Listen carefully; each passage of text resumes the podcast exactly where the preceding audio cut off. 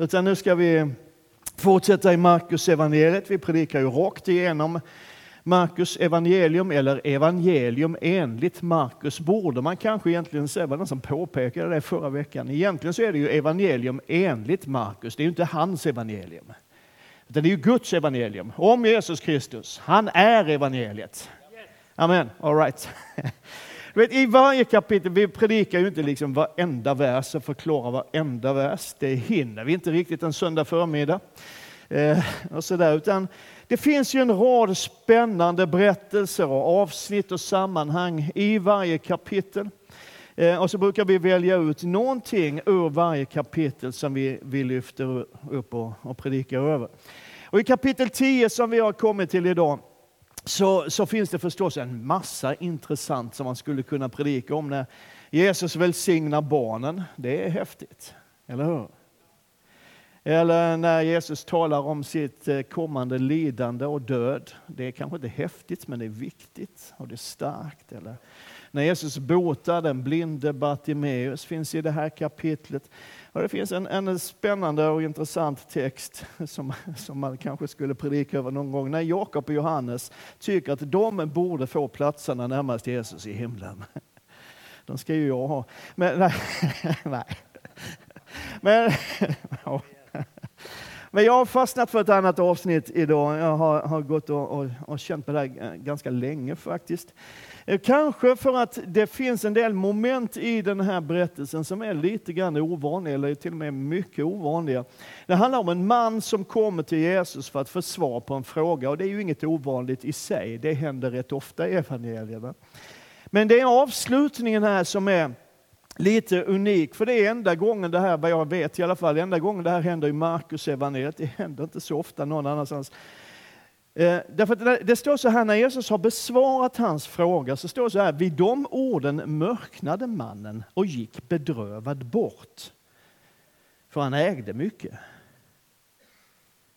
Och det händer inte så där väldigt ofta i, i evangelierna, jag inte i, i vanliga livet heller, att människor kommer till Jesus för att få hjälp och så går de därifrån och är alldeles bedrövade. Det händer inte ofta, men det händer här. Och av sammanhanget så förstår vi att den här handlar om en rik man. Jag vet inte riktigt hur du relaterar till när du hör det uttrycket, en rik man. Så skulle jag nästan kunna tänka mig att de allra flesta av oss tänker på någon annan än oss själva. Eller Alltså det är ju få människor, har du tänkt på det? Det är få människor som relaterar till sig själv som rika.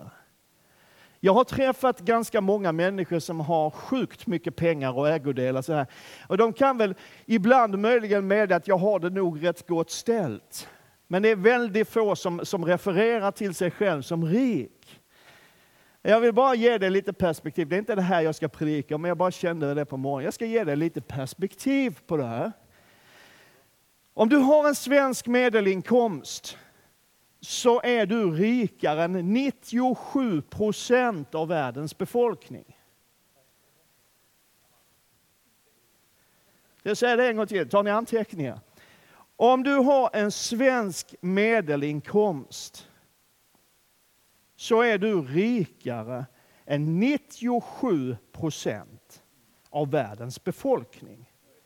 Och du tjänar 13,4 gånger mer än den globala medianinkomsten. Och det kan vara bra att tänka på, älskade vänner, lite då och då, när vi gnäller över inflation och bensinpriser och vad det nu är för någonting. Och ifall vi i Sverige har råd med bistånd eller om vi har råd att hjälpa de som har det allra sämst. Och det är inget politiskt, jo det är ett politiskt uttalande, men det är inget partipolitiskt uttalande, jag bara säger som det är. Din rika typ. men, nu ska vi, men nu ska vi läsa texten. För det är inte det här jag ska predika om, jag bara ville skicka med det, för det, det är bra, det, det talar någonstans ändå. Om att du har det förfärligt bra, bara så du vet om det. Ja tack detsamma, jo men det har jag. Jag är rik. När Jesus skulle vandra vidare sprang det fram en man som föll på knä för honom och frågade, gode mästare, vad ska jag göra för att få evigt liv? Jesus sa till honom, Varför kallar du mig god? Ingen är god utom Gud. Buden kan du. Du ska inte mörda, du ska inte begå äktenskapsbrott, du ska inte stjäla, du ska inte vittna falskt. Du ska inte ta ifrån någon det som är hans. Hedra din far och din mor. Mannen sa, Mästare, allt detta har jag hållit sedan jag var ung. Jesus såg på honom med kärlek och sa, ett saknar du. Gå och sälj allt du äger och ge till de fattiga, så kommer du ha en skatt i himlen. Kom sedan och följ mig. Vid de orden mörknade mannen och gick bedrövad bort, för han ägde mycket. Det finns flera intressanta saker i den, i den här texten, tycker jag. i alla fall. För det första så är det intressant att den här mannen är så intensivt och nästan desperat intresserad av livet efter döden. Liksom, hur får jag tag på det? Vad måste jag göra för att få, få det där eviga livet? För grejen är att han var jude, det förstår vi också av sammanhanget. I judendomen är undervisningen och teologin kring evigheten och livet efter detta milt sagt ganska vag. Det finns antydningar och tankar omkring det i Gamla Testamentet och hos de judiska rabbinerna. Men det är inte alls lika tydligt, om man nu kan säga att det är tydligt, som i Nya Testamentet och i den kristna teologin. Eh, jag satt i torsdag tillsammans med några stycken och ytterligare då tillsammans med, får man nog säga, en expert på judiskt liv och judisk teologi. Han är själv praktiserande och troende jude. Och vi talar egentligen om, om lite andra saker, men eftersom jag skulle predika över den här texten idag så passar jag på att fråga honom, liksom, hur är det egentligen den judiska förståelsen av livet efter detta och det eviga livet? Och hans svar kan man nog sammanfatta så här, ni som var med får väl rätta mig om jag har fel, men jag uppfattade hans svar ungefär så här. Vi judar tror att det finns någon sorts uppståndelse och ett liv efter döden, ett evigt liv.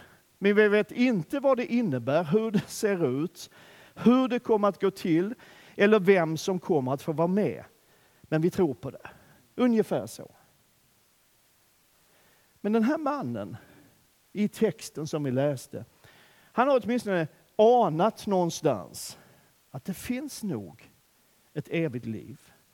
Det finns någonting efter det här livet. Jag vet inte riktigt vad det är, men om det finns så vill jag ha tag på det. Och han vet inte riktigt hur. Så han vänder sig till Jesus. Och Det andra som är lite speciellt tycker jag i den här texten, det är hur Jesus svarar. För jag tror att Jesus förstår att den här mannen är väl insatt i judiskt liv och judisk tradition. Han känner budorden, så Jesus går dit, till budorden. Och det har ju Jesus gjort förut i andra sammanhang och i många sammanhang. Som till exempel när han svarar på frågan om vilket som är det viktigaste budet. Hur många känner igen det? De allra flesta. Alltså han får frågan, vilket mästare är det viktigaste budet? Och Jesus säger, ja men du ska älska Gud.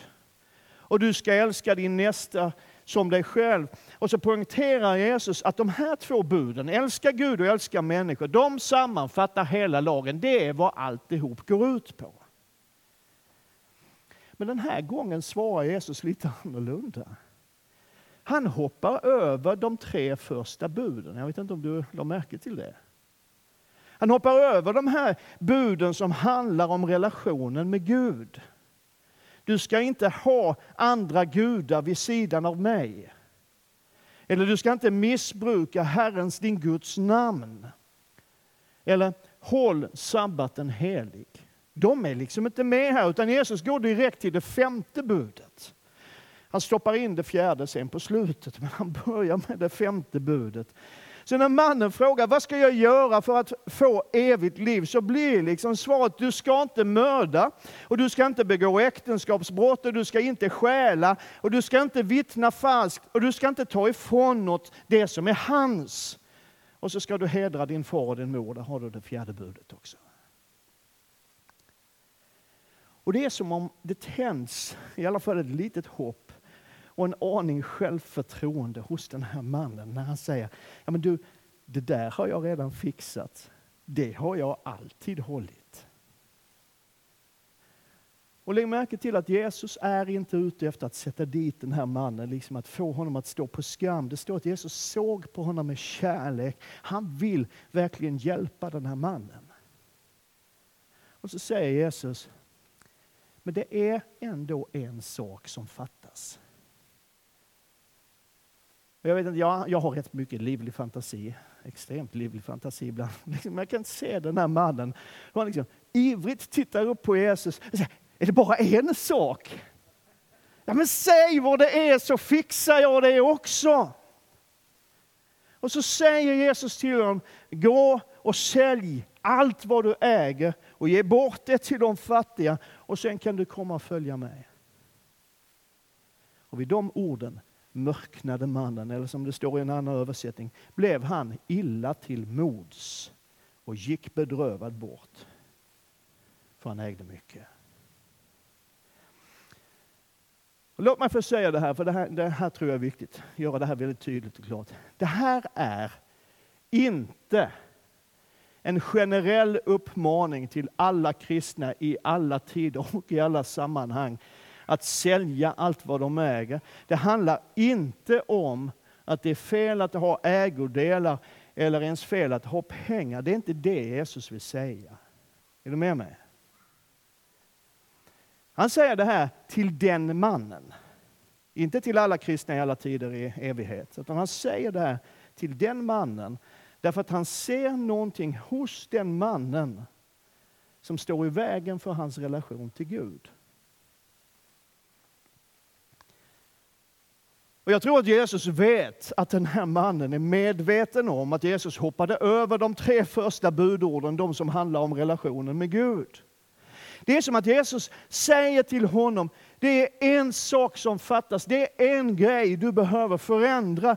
För det finns någonting i ditt liv som är större och viktigare och betyder mer för dig än vad Gud gör och det funkar inte. Och när den här mannen har gått så har Jesus ett samtal med sina lärjungar. Jesus såg sig omkring och sa till sina lärjungar, hur svårt är det inte för dem som har pengar att komma in i Guds rike? Lärjungarna blev förskräckta över hans ord, men Jesus sa än en gång till dem, mina barn, hur svårt är det inte att komma in i Guds rike? Det är lättare för en kamel att komma igenom ett nålsöga än för en rik att komma in i Guds rike. Det är uppmuntrande när jag precis har talat om för dig hur sjukt rik du är. Det är svårt, säger Jesus, att komma in i Guds rike. Men varför är det svårt? Vi brukar ju säga, speciellt vi pingstpredikanter och EFK-predikanter eller vad vi nu är för predikanter, att det är lätt att bli frälst. Och det är ju lätt, men det är svårt också. Det är svårt därför att om du vill komma in i Guds rike, om du vill ha tag på det eviga livet, om du vill ha livet med Jesus, så behöver du släppa taget om allt annat som du litar på, som du bygger på och som du har din trygghet i. Det är som någon har sagt, livet med Jesus är gratis men det kostar allt. Och det är det som Jesus vill säga till den här rike mannen. Och det är lite spännande att, att den här killen han gör en poäng liksom av sin höga moraliska och etiska standard. Han har inte mördat, och han har inte stulit och han har inte begått äktenskapsbrott. Det har han hållit sedan han var ung. Jag undrar vad han gjorde innan han var barn och sen blev... Nej. Eh, och det här kan liksom antagligen de flesta av oss relatera till. Vi har inte haft ihjäl så där väldigt många. Eller hur? Och inte stulit så särskilt mycket, även om du har en och annan penna som du faktiskt har tagit på jobbet om man ska vara ärlig. Men, så här, och helst så vill vi ju inte ha grannens fru heller. Bevar mig väl. Men innerst inne så vet den här rike mannen Och innerst inne så vet du och jag att det räcker ju inte. Att vi inte har gjort det och vi inte har gjort det och vi inte har gjort det. Om inte Gud har första platsen så spelar inte våra etiska och moraliska val så väldigt stor roll. För den här mannen så var det rikedomen, hans ägodelar och alla pengarna. Det var det som stod i vägen som hindrade honom från att sätta Gud först. Och för mig är det kanske någonting annat och för dig är det någonting annat. Men jag tror, och jag kanske blir lite skarp nu, det är inte för att jag vill vara skarp utan det är för att Guds ord ibland är väldigt skarpt. Jag tror att det ibland kan vara nyttigt för dig och mig att stanna upp inför Gud och i bön fundera över det här. Att om Jesus skulle säga till dig, eller till mig, som han sa till den här mannen i texten som vi har läst. Du, det är en grej. Det är en sak som fattas. Vad skulle det vara i så fall? Och är jag villig att släppa det i så fall? Om det är någonting som hindrar mig från att sätta Gud först.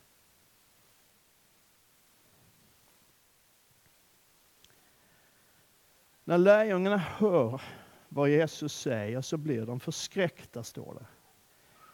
Sen blir de ännu mer förskräckta. Då blev de ännu mer förskräckta och sa till varandra, vem kan då bli frälst? Och Jesus såg på dem och sa, för människor är det omöjligt, men inte för Gud.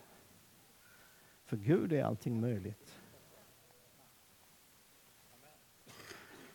Liksom, Jesus skärper det som han har sagt ännu en bit. Det är inte bara svårt att komma in i Guds rike, det är inte bara svårt att bli frälst. Det är omöjligt. Det går inte. Och vi kan inte.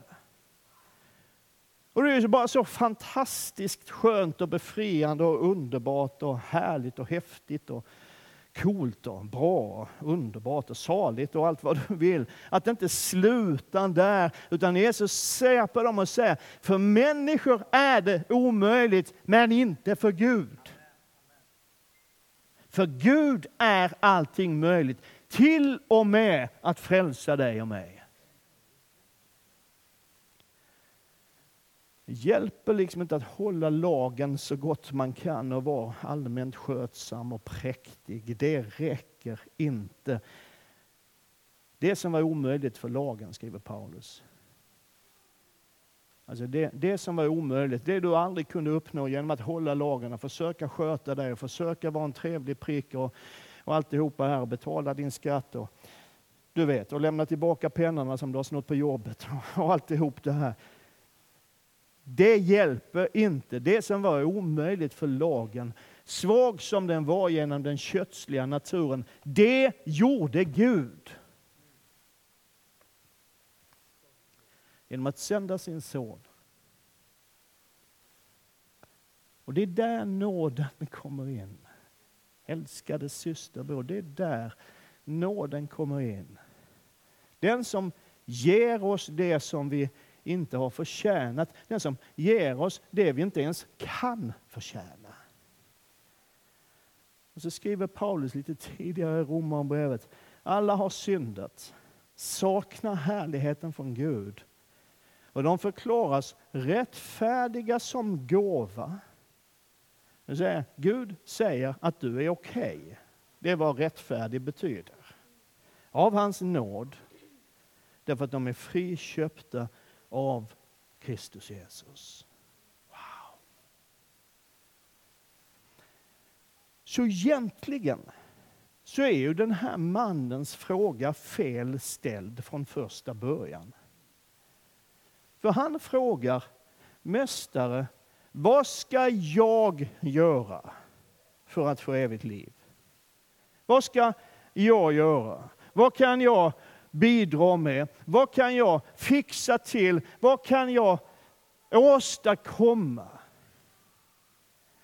Och det är ju som att Jesus visar honom, ja men du det är inte så värst mycket du kan göra. Det är faktiskt omöjligt för dig att få evigt liv. Det kommer aldrig att gå om du ska göra det. Men jag har redan gjort det som behövs för dig.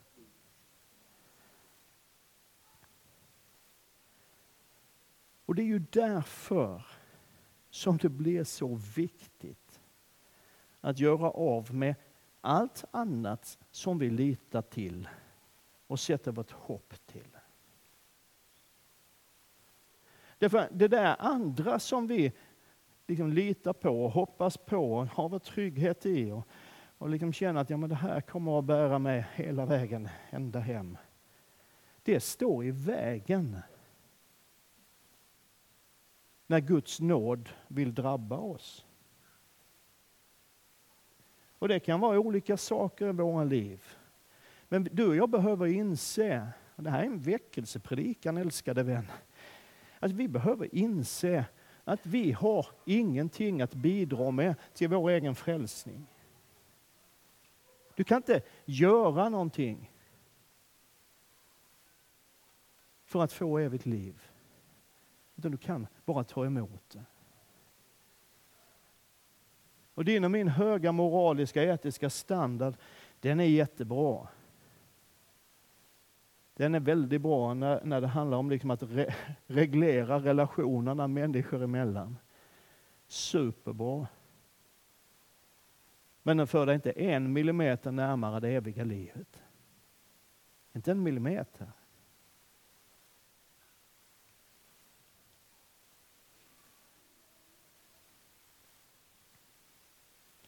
Och min bibelkunskap, min teologiska insikt, liten eller stor, vad det nu är.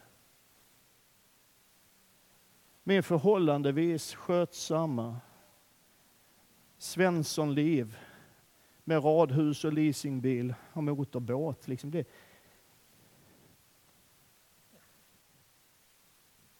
kommer inte spela någon roll. Och inte din präktighet heller.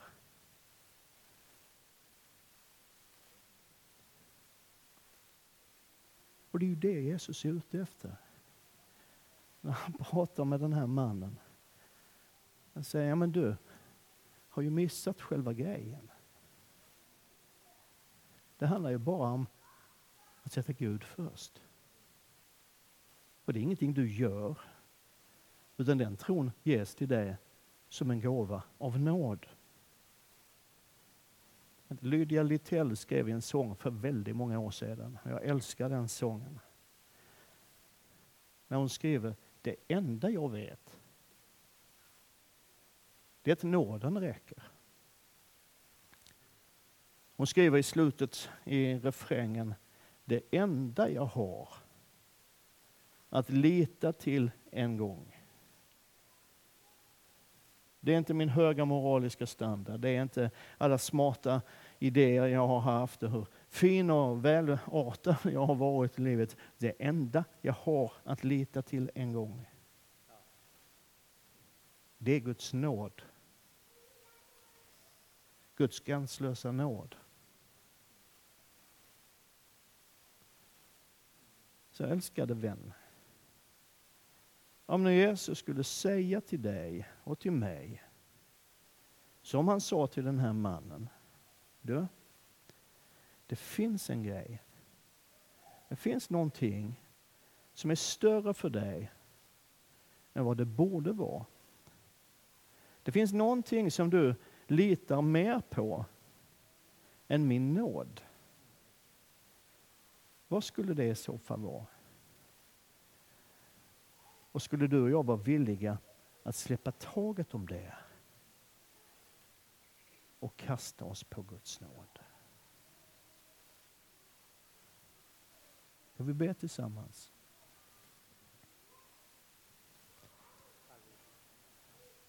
Evelina kommer att sjunga en sång för oss, tror jag. Jag tror vi ska vara i bön och ställ den där frågan till dig själv och till Gud. Är det någonting som jag borde lämna?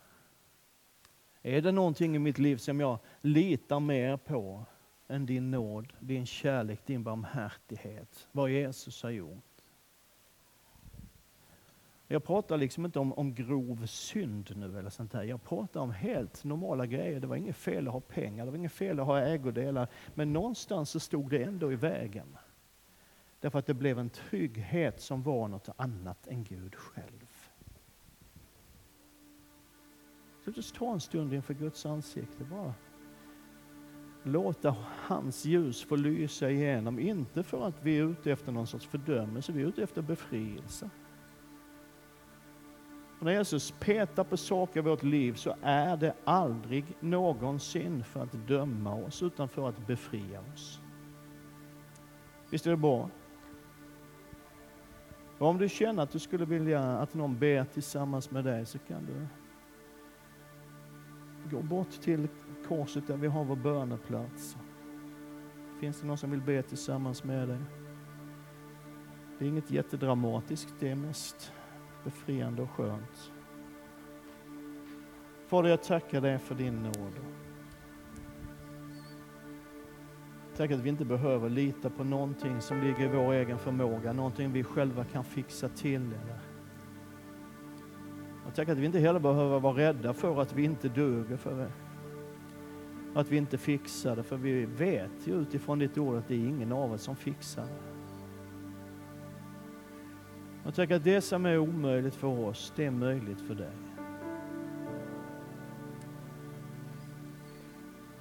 Och här jag ber att den frihetens vind ska få blåsa igenom oss. Hjälp oss att se om det finns saker som hindrar oss från att fullt ut ta emot det du vill ge oss.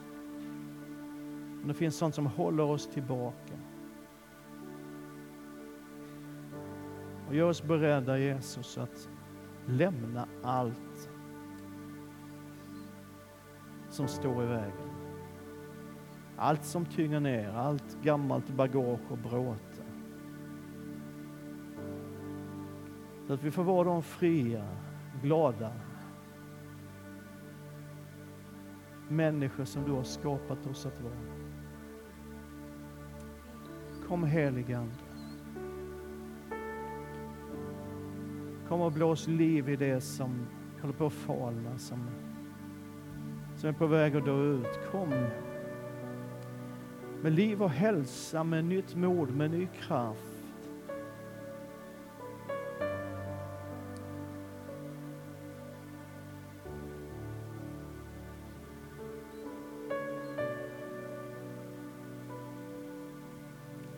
Upplever att jag ska säga det här. Jag säger det här i stor respekt och med stor kärlek. Men det finns någon, tror jag, ibland oss som, som liksom har känt på, på sista tiden och kanske länge att, att jag, jag, jag upplever inte Guds närvaro i mitt liv, i min vardag längre. Jag gjorde det förr, men jag gör det inte längre. Det är liksom som att det saknas någonting.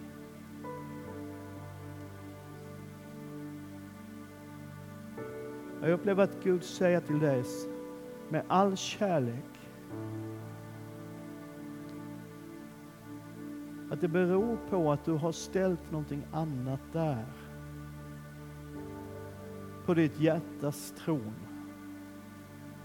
Där han brukade sitta, där han brukade vara. Där finns någonting annat just nu. Men om du låter honom flytta undan det så kommer du på nytt igen att ha samma Guds närvaro i din vardag, i ditt liv som du har haft förut. Kom helige. Kom helige.